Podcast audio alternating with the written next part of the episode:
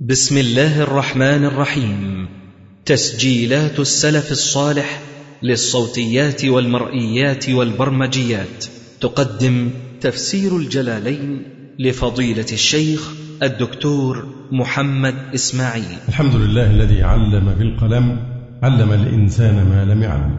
والصلاة والسلام الأتمان الأكملان على معلم الأمم وعلى آله وصحبه أولي العزائم والهمم. أما بعد فإن أصدق الحديث كتاب الله وأحسن الهدي هدي محمد صلى الله عليه وسلم وشر الأمور محدثاتها وكل محدثة بدعة وكل بدعة ضلالة وكل ضلالة في النار.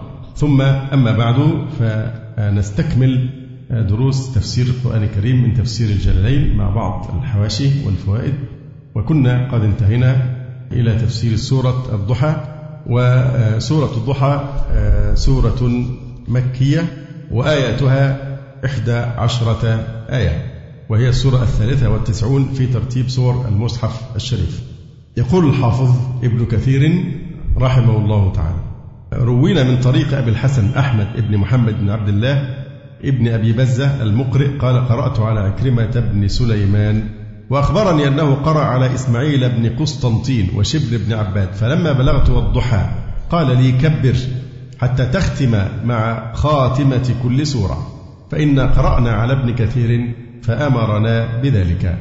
وأخبرنا أنه قرأ على مجاهد فأمره بذلك وأخبره مجاهد أنه قرأ على ابن عباس فأمره بذلك وأخبره ابن عباس أنه قرأ على أبي بن كعب فأمره بذلك وأخبره أبي أنه قرأ على رسول الله صلى الله عليه وسلم فأمره بذلك فهذه سنة تفرد بها أبو الحسن أحمد بن محمد بن عبد الله البزي من ولد القاسم بن أبي بزة وكان إماما في القراءات. وأما في الحديث فقد ضعفه أبو حاتم الرازي وقال لا أحدث عنه. وكذلك أبو جعفر العقيلي قال هو منكر الحديث. لكن حكى الشيخ شهاب الدين أبو شامة في شرح الشاطبية عن الشافعي أنه سمع رجلا يكبر هذا التكبير في الصلاة فقال أحسنت وأصبت السنة. وهذا يقتضي صحة هذا الحديث. ثم اختلف القراء في موضع هذا التكبير وكيفيته. فقال بعضهم يكبر من آخر والليل إذا يغشى. وقال آخرون من آخر والضحى. وكيفية التكبير عند بعضهم أن يقول الله أكبر ويقتصر. ومنهم من يقول الله أكبر لا إله إلا الله والله أكبر. وذكر القراء في مناسبة التكبير من أول سورة الضحى أنه لما تأخر الوحي عن رسول الله صلى الله عليه وسلم وفتر تلك المدة ثم جاء الملك فأوحى إليه والضحى والليل إذا سجى إلى آخر السورة كبر فرحا وسرورا ولم يروى ذلك بإسناد يحكم عليه بصحة ولا ضعف فالله أعلم. يعني لا نستطيع الجزم بصحة الخبر الوارد في هذا لما ذكره الحافظ ابن كثير رحمه الله تعالى. يقول الله تبارك وتعالى بسم الله الرحمن الرحيم والضحى والليل إذا سجى. يقول الجلال المحلي رحمه الله تعالى ولما نزلت كبر صلى الله عليه وسلم آخرها فسن التكبير آخرها وروي الأمر به خاتمتها وخاتمة كل سورة بعدها. وهو الله أكبر أو لا إله إلا الله والله أكبر. إحنا نلاحظ دائما أن القراء هم الذين يهتمون بهذا أما المحدثون فلا يصححون الحديث كما ذكرنا. والضحى وهو أول النهار أو كله. والضحى والليل إذا سجى. أي إذا غطى بظلامه أو سكن. طبعا إذا هنا ظرف لمجرد الظرفية وليست إيه؟ شرطية. والليل إذا سجى. سجى يعني سكن وركد ظلامه ودام. ومنه يقال البحر الساجي ساكن. وطرف ساج أي ساكن. ويقال سج الميت تسجية مد عليه توبة. والضحى والليل إذا سجى أي غطى بظلامه أو سكن ما ودعك ربك وما قلى. ما ودعك أي ما تركك يا محمد ربك. ودعك قرأ العامة بتجديد الدال من التوديع. طبعا العامة هنا مقصود بها إيه؟ عامة القراء يعني جمهور القراء مش العوام عوام الناس. لا العامة في هذا السياق يبقى إيه؟ عامة وأغلب القراء. قرأ العامة بتجديد الدال من التوديع. وهو مبالغة في الودع لأن من ودعك مفارقا فقد بالغ في تركك. وقرئ بالتخفيف ما ودعك ربك وما قلى من قولهم ودعه أي تركه. وفي الحديث لينتهين قوم عن ودعهم الجمعات أو ليختبن الله على قلوبهم ثم ليكونن من الغافلين.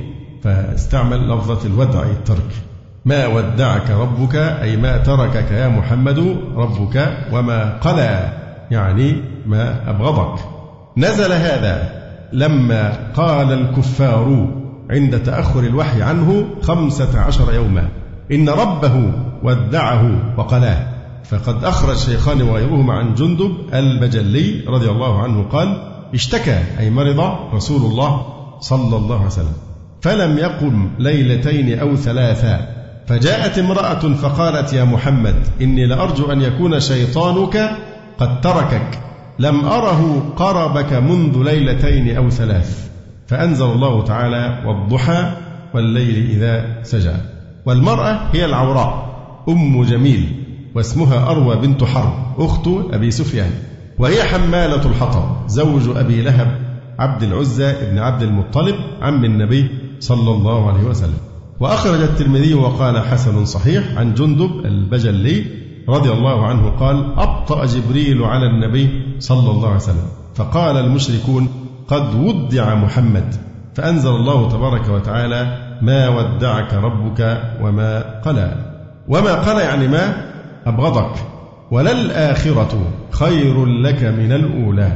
طبعا كما قلنا ما ودعك ربك وما قلى. فالقلى يعني تركك عن بغض. ولذلك ملاحظون فكلمة قلى فيها ترك لكن مع إيه؟ بغض ومقت. ولذلك نفى التوديع فقال ما ودعك. لكن جه في البغض قال إيه؟ وما قلى لم يقل وما قلاك مع أنه في سياق نفيها لكن رعاية لقلب رسول الله صلى الله عليه وسلم وتعظيما له. وفي الحديث إن شر الناس منزلة يوم القيامة. من ودعه الناس اتقاء فحشه. وفي الأمثال إخبارهم تقلهم يعني من خبر الناس قلاهم أبغضهم. ولا الآخرة منع لم هنا؟ ولا الآخرة خير لك من الأولى لام الابتداء. اللام هنا لام الابتداء ولا الآخرة فهي مؤكدة لمضمون الجملة. طيب ولا الآخرة خير لك من الأولى خير لك لما فيها من الكرامات لك من الأولى أي الدنيا. ولسوف يعطيك ربك فترضى. اللام هنا أيضا لام الابتداء ولام الابتداء لا تدخل إلا على الجملة المكونة من المبتدأ والخبر. فبما أن ولسوف يعطيك ربك فترضى لام الابتداء فهنا يتعين تقدير مبتدأ. يبقى في التفسير لابد أن نقول إيه؟ ولسوف يعطيك ربك فترضى نقول ولا أنت سوف يعطيك ربك فترضى لأن لام الابتداء لابد أن تدخل على آه، جملة اسمية مكونة من مبتدأ وخبر. وهي هنا موجودة مع الفعل ولا سوف يعطيك. واضح؟ فلذلك في التفسير نقول ولا أنت عشان تدخل على مبتدأ ولا أنت سوف يعطيك ربك في الآخرة من الخيرات عطاء جزيلا. طيب ولسوف يعطيك ربك في فن الإباء من البلاغة. ولسوف يعطيك فن الحذف. ما الذي حذف؟ مفعول يعطي مش يعطي تتعدى آه، مفعولها. ولسوف يعطيك. هنا حذف مفعول يعطيك الثاني. المفعول الأول هو الكاف. يعطيك ماذا؟ حذفه تهويلا لأمره واستعظاما لشأنه فإنه عطاء عظيم لا يقادر قدره. فليذهب الوهم في تخيله كل مذهب. ولسوف يعطيك. ولم بين يعطيه ماذا؟ لتعظيم هذا العطاء ولسوف يعطيك ربك فترضى أي ترضى به بهذا العطاء. يقول هنا الجلال المحلي فقال النبي صلى الله عليه وسلم إذا لا أرضى وواحد من أمتي في النار. يعلق القاضي كنعان هنا على هذا القول لأنه بالذات الصوفية عندهم كده انجذاب لحاجات معينة في التفسير ينجذبوا لها جدا. فيجوا يتشبثون بمثل هذا الحديث اللي هو لا أرضى وواحد من أمتي في النار. يقول القاضي كنعان لم يثبت هذا القول مرفوعا ولا موقوفا خلافا لما هو شائع. وقد أخرجه البيهقي في الشعب. عن ابن عباس رضي الله عنهما بلفظ رضاه أن يدخل أمته كلهم الجنة. وأخرجه الخطيب في تلخيص المتشابه موقوفا على ابن عباس بلفظ لا يرضى محمد صلى الله عليه وسلم. وواحد من أمته في النار وهذان الإسنادان غير ثابتين أيضا. ولكن الصحيح الثابت هو ما رواه مسلم والنسائي وابن حبان. عن عبد الله بن عمرو بن العاص رضي الله عنهما أن النبي صلى الله عليه وسلم تلا قول الله في إبراهيم رب إنهن أضللن كثيرا من الناس فمن تبعني فإنه مني ومن عصاني فإنك غفور رحيم. وقول عيسى ابن مريم إن تعذبهم فإنهم عبادك وإن تغفر لهم فإنك أنت العزيز الحكيم. فرفع يديه فقال أمتي أمتي وبكى. فقال الله يا جبريل اذهب إلى محمد فقل إنا سنرضيك في أمتك ولا نسوءك. صلى الله عليه وآله وسلم. إنا سنرضيك في أمتك ولا نسوءك. فهذا هو الثابت هذا في صحيح مسلم. أما أن الرسول عليه السلام قال حينما نزلت هذه الآية إذا لا أرضى وواحد من أمتي في النار. وواحد من أمتي يبقى أمة مين بقى؟ الإجابة. وفي الحديث أيضا لا أزال أشفع يوم القيامة فأشفع حتى يناديني ربي أقد رضيت يا محمد؟ فأقول أي ربي رضيت. صلى الله عليه وآله وسلم. نظم بعضهم هذا المعنى واعتبروا هذه الآية الكريمة من آيات الرجاء أو هي أرجى آية في القرآن الكريم. يقول بعضهم قرأنا في الضحى ولا سوف يعطي فسر قلوبنا ذاك العطاء وحاشا يا رسول الله ترضى وفينا من يعذب أو يساء. وقال آخر أترضى حبيبي أن تكون منعما ونحن في جمر اللظى نتقلب لقد أرضاك الرحمن في سورة الضحى. ماشي لا بأس. على أي الأحوال المسألة ليست بالرقة برقة القلب. المسألة أنه ثابت أن بعض أهل الكبائر من من أمة محمد عليه السلام سيدخلون النار ومما يأكد ذلك حدوث الشفاعة في حد ذاتها. فمسألة أن الناس بقى تقول يا بختنا بالنبي ويتمادون في المعاصي اتكالا على الشفاعة وفهم هذه الآية أن الرسول لن يرضى وواحد من أمته في النار. كما أن الرحمة صفة كمال كذلك العقاب صفة إيه؟ عدل وحكمة. فأيضا فيها تتجلى صفات الجلال والحكمة. طبعا قوله تعالى ولسوف يعطيك ربك فترضى أي ترضى به بهذا العطاء. إلى هنا تم جواب القسم بمثبتين بعد منفيين. ما ودعك ربك وما قال دول الاثنين منفيين. ثم المثبتين إيه؟ وللآخرة خير لك من الأولى. ثاني ولسوف يعطيك ربك فترضى صلى الله عليه وآله وسلم. ألم يجدك يتيما فآوى؟ هذا كلام مستأنف مسوق لتعداد أياديه ونعمه عليه. والغرض من تعدادها تقوية قلبه صلى الله عليه وسلم وتشجيعه على السير في طريقه التي اختارها الله وهي محمودة العواقب. ألم يجدك يتيما فآوى؟ يعني قس المستقبل على ما مضى. تأمل كيف أحسن الله إليك فيما مضى؟ وسيحسن إليك أيضا فيما يأتي. ألم يجدك استفهام تقريري؟ يعني إيه؟ وجدك يتيما بفقد أبيك قبل ولادتك أو بعدها فآوى بأن ضمك إلى عمك أبي طالب ووجدك ضالا فهدى. طبعا لابد هنا أن نقف عند كلمة وجدك ضالا ووجدك ضالا هنا لابد من فهمها فهما خاصا. فالمقصود بهذا الوصف ووجدك ضالا فهدى كما يقول جلال المحلي هنا ضالا عما أنت عليه من الشريعة لا علم لك بها. فهذا هو معنى الضلال في حق النبي صلى الله عليه وسلم. فأحسن ما قيل في معنى الضلال هو خلوه من الشريعة يعني قبل إنزال الوحي ضلا عن هذا الوحي فهداه بإنزالها إليه. فالمراد بضلاله كونه من غير شريعة ولا يمكن أن يكون المراد بالضلال انحرافه عن الحق حاشاه صلى الله عليه وسلم. يقول الله تعالى وكذلك أوحينا إليك روحا من أمرنا. ما كنت تدري ما الكتاب ولا الإيمان ولكن جعلناه نورا نهدي به من نشاء من عبادنا. فضلا يبقى إيه؟ ضلا عما أنت عليه من الشريعة لا علم لك بها. فهذا امتنان بنعمة الوحي. أو ووجدك ضلا وجد قومك ضالين فهداهم بك. كيف يكون حائرا؟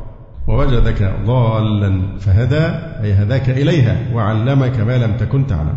ووجدك عائلا فأغنى. هو بعض المفسرين حكوا أنه تاه يعني في مكة ضل الطريق وهو صغير فرده إلى أهله. لكن هذا ضعيف بجانب هذا التفسير الذي يعني اعتمدناه.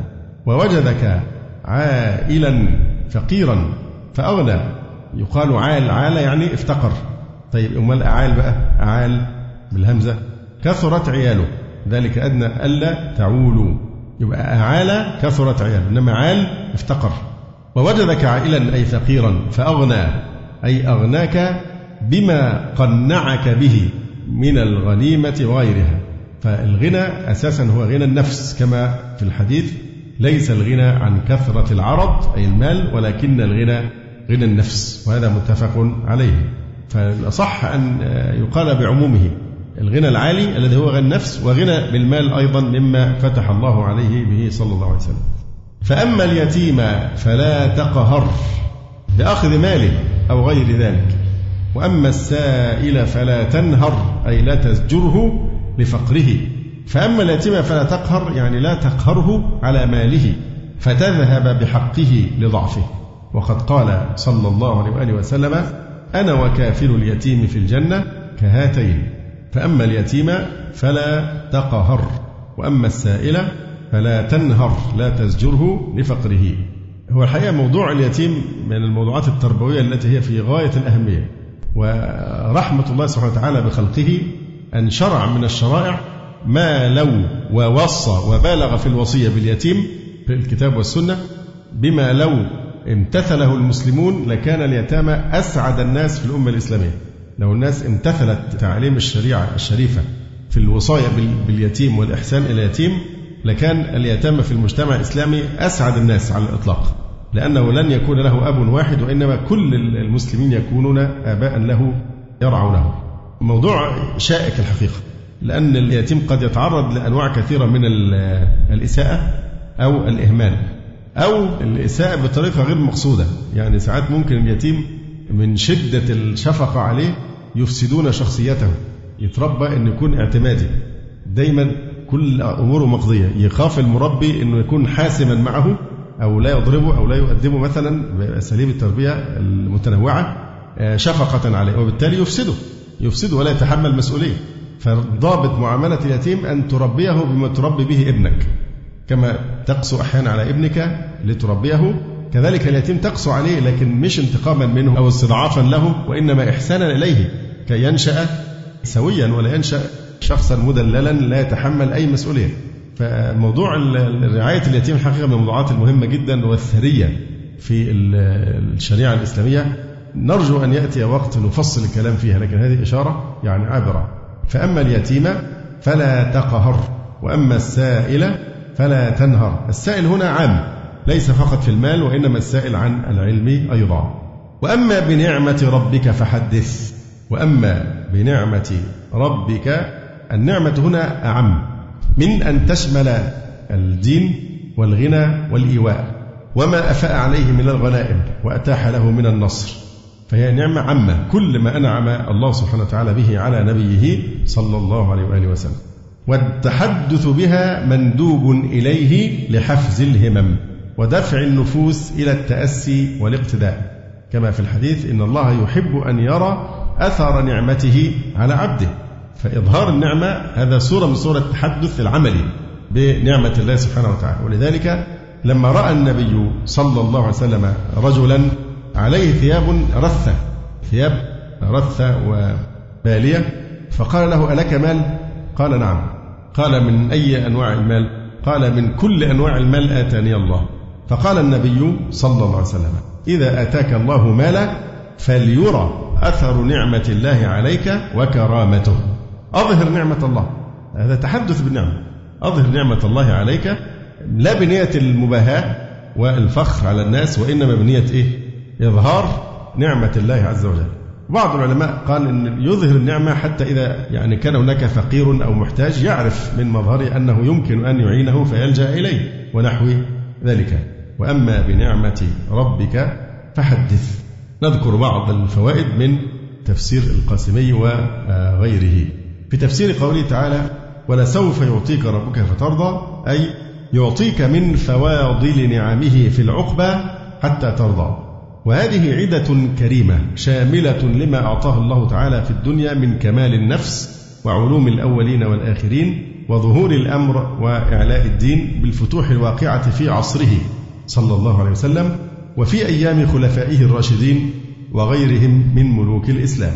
وفشو دعوته في مشارق الأرض ومغاربها ولما ادخر له من الكرامات التي لا يعلمها إلا الله سبحانه وتعالى. وبالجملة فهذه الآية جامعة لوجوه الكرامة وأنواع السعادة وشتات الإنعام في الدارين حيث أجمله ووكله إلى رضاه. لحد ما ترضى وسوف يعطيك ربك فترضى إلى أن يحصل لك الإيه؟ الرضا. وهذا غاية الإحسان والإكرام. قال في المواهب اللدنية وأما ما يغتر به الجهال من أنه لا يرضى وواحد من أمته في النار أو لا يرضى أن يدخل أحد من أمته النار فهو من غرور الشيطان لهم ولعبه بهم فإنه صلوات الله عليه وسلامه يرضى بما يرضى به ربه تبارك وتعالى وهو سبحانه وتعالى يدخل النار من يستحقها من الكفار والعصاة وقد ولع الحشوية بتقوية أمثال هذه الآثار المفترة تغريرا للجهال وتزيينا لموارد الضلال ولا حول ولا قوة إلا بالله. فلما يجيبوا سيرة الحديث بتاع إذا لا أرضى وواحد من أمتي في النار دايما يقولوا كلمة المعروفة يا بختنا بالنبي عليه الصلاة والسلام. يا بختنا بالنبي معنى إيه؟ نعمل اللي إحنا عايزينه هو مش هيرضى بقى ساعتها إن حد يدخل إيه؟ النار. لكن الرسول يرضى بما يرضي ربه تبارك وتعالى. ومثلها القصة المحكية وإن كانت هذه القصص تمس القلوب أحيانا لما فيها من معاني التعلق بالرجاء في رحمة الله. يعني أذكر آه، قصة. شاب كان مسرفا على نفسه في المعاصي وكان له عم كثيرا ما ينكر عليه ويحذره مغبة هذه المعاصي. ففاجأه الموت أو أو دخل في سياق الموت هذا الشاب. فجاء عمه وهو في النزع. فأخذ يقول له ولم أكن أقل لك كذا ولا تفعل كذا وتب وافعل. وأخذ يوبخه. فقال له يا عمي لو أن القيامة قامت ووكل الله سبحانه وتعالى حسابي إلى أمي ماذا كانت ستفعل بي؟ قال له أمك طبعا لن تدخلك النار أكيد هتدخلك الجنة. فقال له فلله أرحم بي من أمي. بناء على الحديث المعروف الله أرحم بعبده من الإيه؟ من الأم بولدها. فهي معاني أحيانا بتكون يعني لها موضع وأحيانا بيستغلها بعض الناس في الاغترار. بالله سبحانه وتعالى. ده في حق اللي بتوب لكن واحد يتمادى يتمادى اعتمادا على أن الله غفور رحيم واعتمادا على أن النبي لن يرضى واحد من أمته في النار إلى آخره لا ليست الأمور يعني إيه هكذا أوردها سعد وسعد مشتمل. ما هكذا تورد يا سعد الإبل. ألم يجدك يتيما فآوى ووجدك ضالا فهدى. هذه الآية الكريمة تكلم عنها العلامة الشنقيطي رحمه الله تعالى في دفع إيهام الاضطراب فقال رحمه الله وهذه الآية الكريمة ووجدك ضالا فهدى. يوهم ظاهرها أن النبي صلى الله عليه وسلم كان ضالا قبل الوحي مع أن قوله تعالى فأقم وجهك للدين حنيفا فطرة الله التي فطر الناس عليها. يدل على أنه صلى الله عليه وسلم فطر على هذا الدين الحنيف. ومعلوم أنه لم يهوده أبواه ولم ينصره ولم يمجسه بل لم يزل باقيا على الفطرة حتى بعثه الله رسولا. ويدل لذلك ما ثبت من أن أول نزول الوحي كان وهو يتعبد في غار حراء فذلك التعبد قبل نزول الوحي دليل على بقائه صلى الله عليه وآله وسلم على الفطرة. والجواب أن معنى قوله ووجدك ضالا فهدى. أي غافلا عما تعلمه الآن من الشرائع وأسرار علوم الدين التي لا تعلم بالفطرة ولا بالعقل وإنما تعلم بالوحي فهداك إلى ذلك بما أوحى إليك. فمعنى الضلال على هذا القول الذهاب عن العلم ومنه بهذا المعنى قوله تعالى أن تضل إحداهما فتذكر إحداهما الأخرى اللي هو إيه؟ الضلال بمعنى النسيان أو الذهاب عن العلم. وقوله عز وجل لا يضل ربي ولا ينسى. وقوله عز وجل قالوا تالله إنك لفي ضلالك القديم.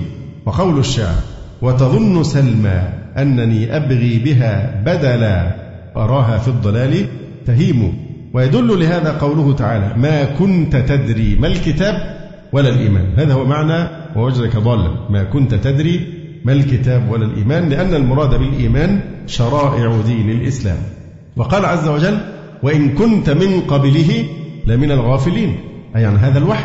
وقال عز وجل وعلمك ما لم تكن تعلم وقال عز وجل وما كنت ترجو أن يلقى إليك الكتاب إلا رحمة من ربك وقيل المراد بقوله ضالا ذهابه وهو صغير في شعاب مكة وقيل ذهابه في سفره إلى الشام. والقول الأول هو الصحيح. والله تعالى أعلم. ونسبة العلم إلى الله أسلم. وأما السائل فلا تنهر. يعني أما من سألك من ذي حاجة فلا تنهر ولكن أطعمه واقض له حاجته. أي لأن للسائل حقا كما قال تعالى والذين في أموالهم حق معلوم للسائل والمحروم. وقد ذهب الحسن إلى أن المراد من السائل من يسأل العلم. فيكون في مقابلة قوله تعالى ووجدك ضالا فهدى. وهكذا قال ابن كثير أي وكما كنت ضالا فهداك الله فلا تنهر السائل في العلم المسترشد. وأما بنعمة ربك فحدث أي بشكرها وإظهار آثارها فيرغب فيما لديه منها ويحرص على أن تصدر المحاويج عنها. وهذا هو سر الأمر بالتحدث بها. وفي الآية تنبيه على أدب عظيم وهو التصدي للتحدث بالنعمة وإشهارها حرصا على التفضل والجود والتخلق بالكرم. وفرارا من رذيلة الشح الذي رائده كتم النعمة والتمسكن والشكوى. أن بعض الناس تبالغ في إخفاء النعمة بالذات في مجتمعنا للأسف الشديد خوفا من الإيه؟ من الحسد. بالعكس يظهر عكس النعمة. ففيها جحود لنعمة الله سبحانه وتعالى. فالشح رائده كتم النعمة. هو زي زي البخلاء اللي حكى عنهم العرب يعني قصص طويلة. أوردها ابن الجوزي في حكايات البخلاء. نعم. الجاحظ نعم. الجاحظ ابن الجوزي برضه. اللي هو بيخافوا إن هم يوقدون النار بالليل لحسن حد يعرف ويجي ياكل أو لو حد جه. يعني لهم حيل وأساليب كلها تدور حول كتمان النعمة حتى لا إيه؟ حتى لا يرد ضيف يعني فيكرم. أو كثرة التمسكن والشكوى آه، لأن هذا هو رائد البخل قال بعض العلماء من عادة البخلاء أن يكتموا ما لهم لتقوم لهم الحجة في قبض أيديهم عن البذل. أحسن الناس تعرف إن معاهم فلوس أو نعمة فيبدأوا يطلبوا منه فيكتم حتى يبخل. فلا تجدهم إلا شاكين من القل. أما الكرماء فلا يزالون يظهرون بالبذل ما آتاهم الله من فضله ويجهرون بالحمد لما أفاض عليهم من رزقه. فلهذا صح أن يجعل التحديث بالنعمة كناية عن البذل وإطعام الفقراء وإعانة المحتاجين. فهذا هو قوله تعالى وأما بنعمة ربك فحدث أي أنك لما عرفت بنفسك ما يكون فيه الفقير فأوسع في البذل على الفقراء. ووجدك عائلا فأغنى فكما ذقت أنت الفقر قبل وعرفت أحوال الفقراء وأتاك الله من آه، فضله فأوسع في البذل على الفقراء. ليس القصد هو مجرد ذكر الثروة مش المقصود حدث بنعمة ربنا واقعد قول بقى ده أنا معايا قد إيه وجبت إيه و... لا المقصود إنك إيه؟ تبذل للناس تعطيهم مش إن أنت تقعد تحسرهم يعني. يقول وليس القصد هو مجرد ذكر الثروة فإن هذا من الفجفجة. التي يتنزه عنها النبي صلى الله عليه وسلم ولم يعرف عنه في امتثال هذا الأمر أنه كان يذكر ما عنده من نقود وعروض ولكن الذي عرف عنه أنه كان ينفق ما عنده ويبيت طاويا وقد يقال إن المراد من النعمة النبوة ولكن سياق الآيات يدل على أن هذه الآية مقابلة لقوله ووجدك عائلا فأغنى. فتكون النعمة بمعنى الغنى ولو كانت بمعنى النبوة لكانت مقابلة لقوله ووجدك ضالا فهدى. وقد علمت الحق في مقابله والله تعالى أعلم. وفي الحديث من لم يشكر القليل لم يشكر الكثير ومن لم يشكر الناس لم يشكر الله. والتحدث بنعمة الله شكر وتركها كفر. نضيف بعض الفوائد أيضا فيما يتعلق بهذه السورة الكريمة. مثلا في بدع التفاسير في قوله تعالى ألم يجدك يتيما فآوى. الصوفية لهم تفاسير غريبة شوية. يتيما يقول لك اليتيم هو من لا شيخ له. طبعا هي معنى الآية أنه نشأ يتيما عليه الصلاة والسلام. مات أبوه وهو جنين. فآواه الله عز وجل ورباه. قال الزمخشري ومن بدع التفاسير. إن بعضهم قال إن ووجدك يتيما مثل قول العرب الدرة الإيه؟ اليتيمة. فريدة الفريدة التي ليس لها نظير. هذه من بدع التفاسير. يقول ومن بدع التفاسير أنه من قولهم درة يتيمة وأن المعنى ألم يجدك واحدا في قريش عديم النظير؟ فآواك. قلت يجوز أن يكون من باب الإشارة والمعنى أن النبي صلى الله عليه وسلم كان عديم النظير في قريش يبغض الأصنام وهم يعبدونها ويجتنب قبائح الجاهلية وهم منغمسون فيها. وينشد معالي الأمور وهم يحبون سفاسفها فهو درة يتيمة وسط معادن غير كريمة. وأشق شيء على الشخص وجوده بين ناس غير موافقين فآواه الله إليه وآنسه بوحيه. أيضا في كتاب دلالة القرآن المبين على أن النبي صلى الله عليه وسلم أفضل العالمين. يقول اشتكى النبي صلى الله عليه وسلم أياما لم يقم فيها لصلاته. فقالت له أم جميل امرأة أبي لهب يا محمد إني لأرجو أن يكون شيطانك قد قلاك لم أره قربك مذ كذا أو منذ كذا فنزل قوله تعالى والضحى والليل إذا سجى ما ودعك ربك وما قلى. أقسم سبحانه على أنه ما ترك نبيه وما أبغضه وهذا من كمال عنايته في رد ما قال المشركون للنبي صلى الله عليه وسلم. وللآخرة خير لك من الأولى. يفيد ما أعد الله له في الآخرة من الكرامات والعطايا. ويفيد بدلالة الإشارة أنه صلى الله عليه وسلم يترقى دائما. أن الرسول عند ربه في حالة ترق دائم إلى الأعلى. لأن اللحظة الآخرة خير له من الأولى. قال الزمخشري فإن قلت كيف اتصل قوله وللآخرة خير لك من الأولى؟ بما قبله.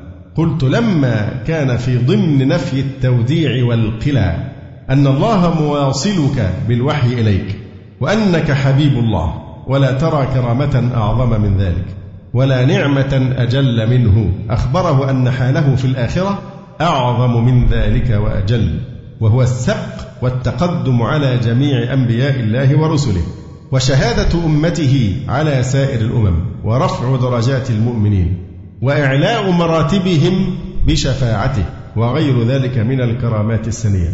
في حد عنده تعليق على قول الزمخشري ورفع درجات المؤمنين وإعلاء مراتبهم بشفاعته. نعم تفضل. قاربت. نعم تفضل. أحسنت.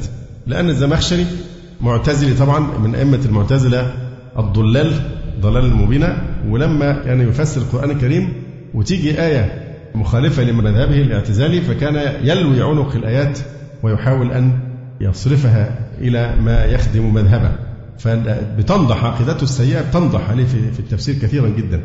هذا أحد المواضع أنه هنا بيذكر كيف أن الآخرة خير من الأولى للنبي عليه السلام وكراماته التي يعطيه الله في الآخرة. فيقول منها إيه؟ رفع درجات المؤمنين وإعلاء مراتبهم بشفاعته. يبقى الشفاعة هتكون فقط في إيه؟ للي دخلوا الجنة. في إعلاء مراتبهم وهذا أحد أنواع الشفاعة. لكن هناك شفاعة النبي صلى الله عليه وسلم للعصاة من أمته في عدم دخول بعضهم النار وفي إخراج بعضهم الآخر منها والزمخشري لا يقول بهاتين الشفاعتين لأنه معتزلي وأهل السنة مجمعون على إثباتهما. ودلائل الكتاب والسنة المتواترة تؤيد مذهب أهل السنة. وأما بنعمة ربك فحدث أمر له صلى الله عليه وسلم أن يحدث أمته بما أنعم الله عليه ليعرفوه وليعتقدوه ويزدادوا حبا له وتعظيما فالتحدث بالنعمة في حقه واجب وفي حق غيره من أفراد الأمة جائز إذا أمن العجب والرياء. نختم بكلام الإمام ابن القيم رحمه الله تعالى في بعض كتبه حول هذه السورة الكريمة.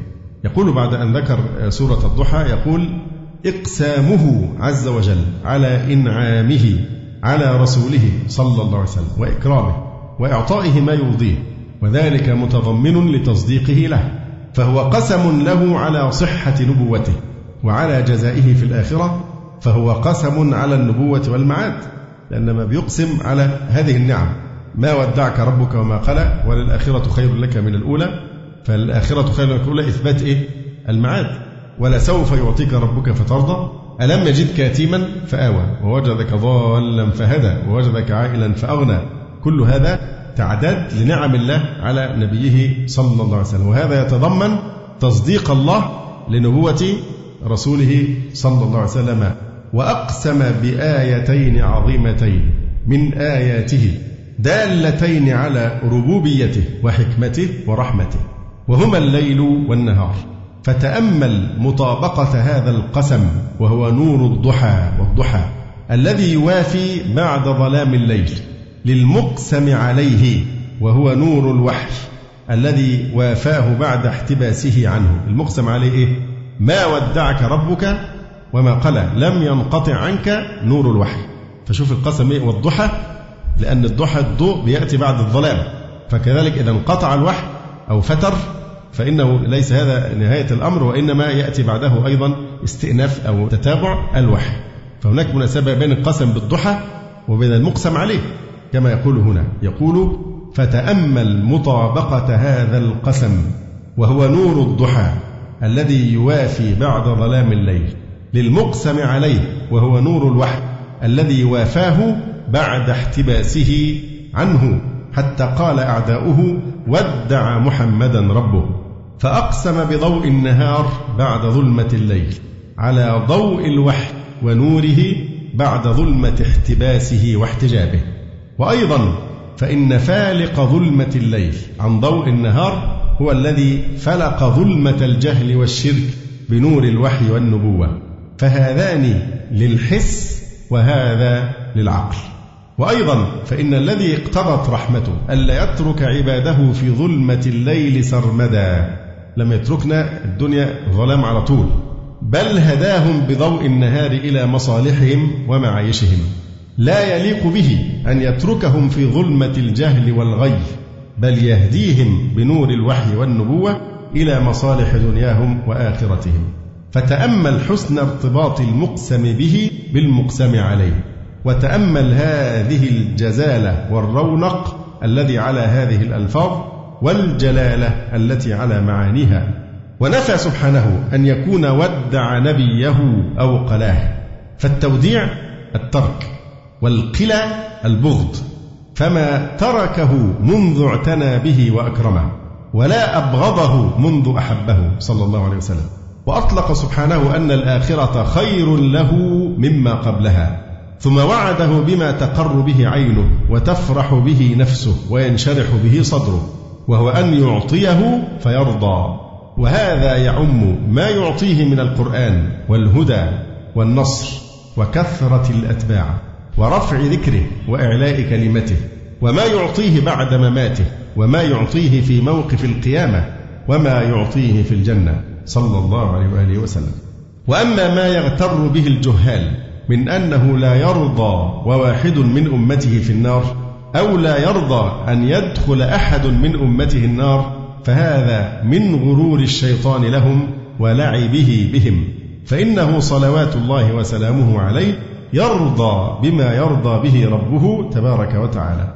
وهو سبحانه يدخل النار من يستحقها من الكفار والعصاة ثم يحد لرسوله حدا يشفع فيهم. ورسوله صلى الله عليه وسلم أعرف به وبحقه من أن يقول لا أرضى أن يدخل أحدا منكم النار على أن يدعه فيها بل ربه تبارك وتعالى يأذن له فيشفع في من شاء الله أن يشفع فيه. لابد من المشيئة لكن لا أرضى يعني معنى ربنا يقول له أخرج العدد المعين من النار فيقول لا ما أرضى مقتضى الكلام ده كده لا ما أنا مش هرضى غير بإنك إيه؟ ما تتركش ولا واحد من أمتي في النار. فهل هذا هو الثابت في الأحاديث ولا هذا يليق من النبي عليه السلام مع ربه عز وجل؟ فمقتضى الحديث الذي يتوهمه الناس ويقولون إذا أن الرسول قال لما نزلت هذه الآية إذا لا أرضى واحد من أمتي في النار كأنهم ما يدخلوش النار أصلا. فطبعا هذا يتنافى مع حقيقة الشفاعة أن الشفاعة في ناس أصلا هيكونوا دخلوا النار وفي ناس يدخلونها ثم يخرجون بشفاعة النبي صلى الله عليه وسلم. يقول فالله سبحانه وتعالى يدخل النار من يستحقها من الكفار والعصاة ثم يحد لرسوله حدا يشفع فيهم ورسوله أعرف به وبحقه من أن يقول لا أرضى أن تترك واحد من أمتي في النار. هل هذا الذي يحدث؟ لا ده هو بإذن الله اشفع تشفع يحد له حدا عدد معين فيشفع فيهم. بل ربه تبارك وتعالى يأذن له فيشفع في من شاء الله أن يشفع فيه. من ذا الذي يشفع عنده إلا بإذنه. ولا يشفع في غير من أذن له فيه ورضيه. ثم ذكر سبحانه نعمه عليه من إيوائه بعد يتمه وهدايته بعد الدلالة وإغنائه بعد الفقر. فكان محتاجا إلى من يؤويه ويهديه ويغنيه. فآواه ربه وهداه وأغناه. فأمره سبحانه أن يقابل هذه النعم الثلاث بما يليق بها من الشكر. فنهاه أن يقهر اليتيم وأن ينهر السائل وأن يكتم النعمة بل يحدث بها.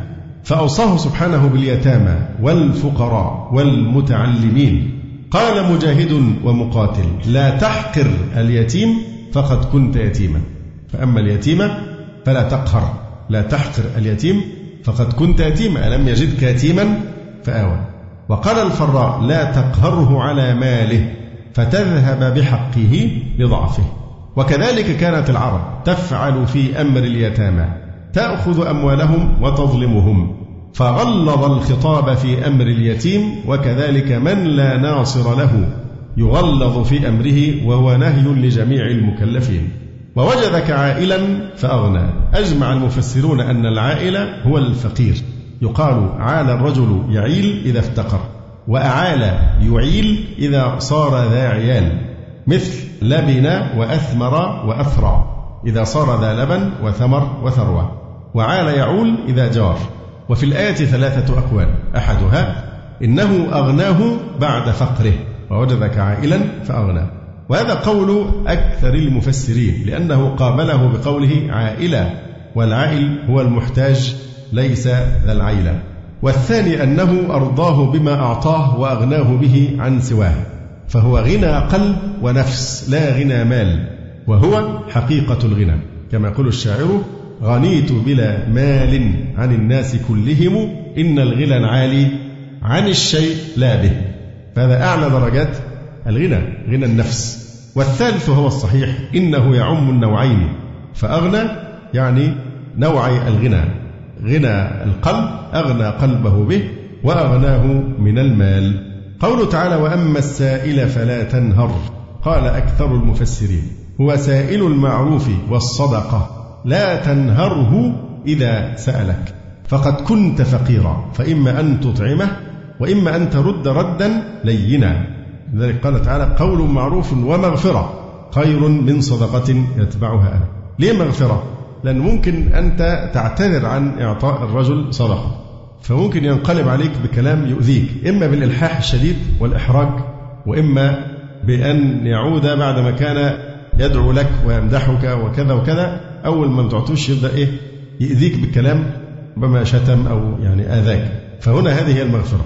يبقى قول معروف له مغفرة. أن السائل ربما صدر منه إلحاح أو نوع من الأذى يطلب من في هذه الحالة إيه؟ المغفرة. نعم. فإما أن تطعمه وإما أن ترد ردا لينا. قال الحسن أما إنه ليس بالسائل الذي يأتيك ولكن طالب العلم. قال يحيى بن آدم إذا جاءك طالب العلم فلا تنهر. والتحقيق أن الآية تتناول النوعين. نوعي السؤال سواء عن العلم أو المال. وأما بنعمة ربك فحدث. قال مجاهد بالقرآن. وقال الكلبي أظهرها. والقرآن أعظم ما أنعم الله به عليه فأمره أن يقرئه ويعلمه. وعن مجاهد حدث بالنبوة التي أعطاك الله. قال الزجاج بلغ ما أرسلت به وحدث بالنبوة التي آتاك وهي أجل النعم. وقال مقاتل أشكر هذه النعمة التي ذكرت في هذه السورة. والتحقيق أن النعم تعم هذا كله فأمر ألا ينهر سائر المعروف والعلم وأن يحدث بنعم الله عليه في الدين والدنيا. وفي هذا التحديث المأمور به قولان ما المقصود؟ وأما بنعمة ربك فحدث. قول أول إنه ذكر النعمة والإخبار بها. فقول كقوله أنعم الله علي بكذا وكذا. قال مقاتل يعني أشكر ما ذكر من النعم عليك في هذه السورة. من جبر اليتيم والهدى بعد الضلال والإغناء بعد العيلة والتحدث بنعمة الله شكر. كما في حديث جابر مرفوعا. من صنع إليه معروف فليجزي به فإن لم يجد ما يجزي به فليثن فإنه إذا أثنى عليه فقد شكره وإن كتمه فقد كفره. ومن تحلى بما لم يعط كان كلابس ثوبي زور. فذكر أقسام الخلق الثلاثة شاكر النعمة المثني بها والجاحد لها والكاتم لها. والمظهر أنه من أهلها وليس من أهلها فهو متحل بما لم يعطى. وفي أثر آخر مرفوع من لم يشكر القليل لم يشكر الكثير ومن لم يشكر الناس لم يشكر الله. والتحدث بنعمة الله شكر وتركه كفر والجماعة رحمة والفرقة عذاب. وهذا الحديث صححه حسنه الألباني. القول الثاني إن التحدث بالنعمة المأمور به في هذه الآية هو الدعوة إلى الله وتبليغ رسالته وتعليم الأمة. قال مجاهد هي النبوة وقال الزجاج أي بلغ ما أرسلت به وحدث بالنبوة التي آتاك الله وقال الكلبي هو القرآن أمره أن يقرأه والصواب أنه يعم النوعين إذ كل منهما نعمة مأمور بشكرها والتحدث بها وإظهارها من شكرها قولوا قولي هذا واستغفر الله لي ولكم. سبحانك اللهم ربنا وبحمدك أشهد أن لا إله إلا أنت أستغفرك وأتوب إليك. جزى الله فضيلة الشيخ خير الجزاء ونسأل الله جل وعلا أن يرفع مكانة الشيخ في المهديين وأن يجعله علما من أعلام الهدى والدين. ولا تنسونا وتنسوا الشيخ من دعوة صادقة بظهر الغيب. وتقبلوا تحيات إخوانكم في تسجيلات السلف الصالح بالإسكندرية. هاتف رقم صفر ثلاثة فاصل أربعة تسعة أربعة سبعة ستة خمسة اثنان. والتليفون محمول صفر عشرة واحد ستة أربعة واحد تسعة ثمانية صفر. والسلام عليكم ورحمة الله وبركاته.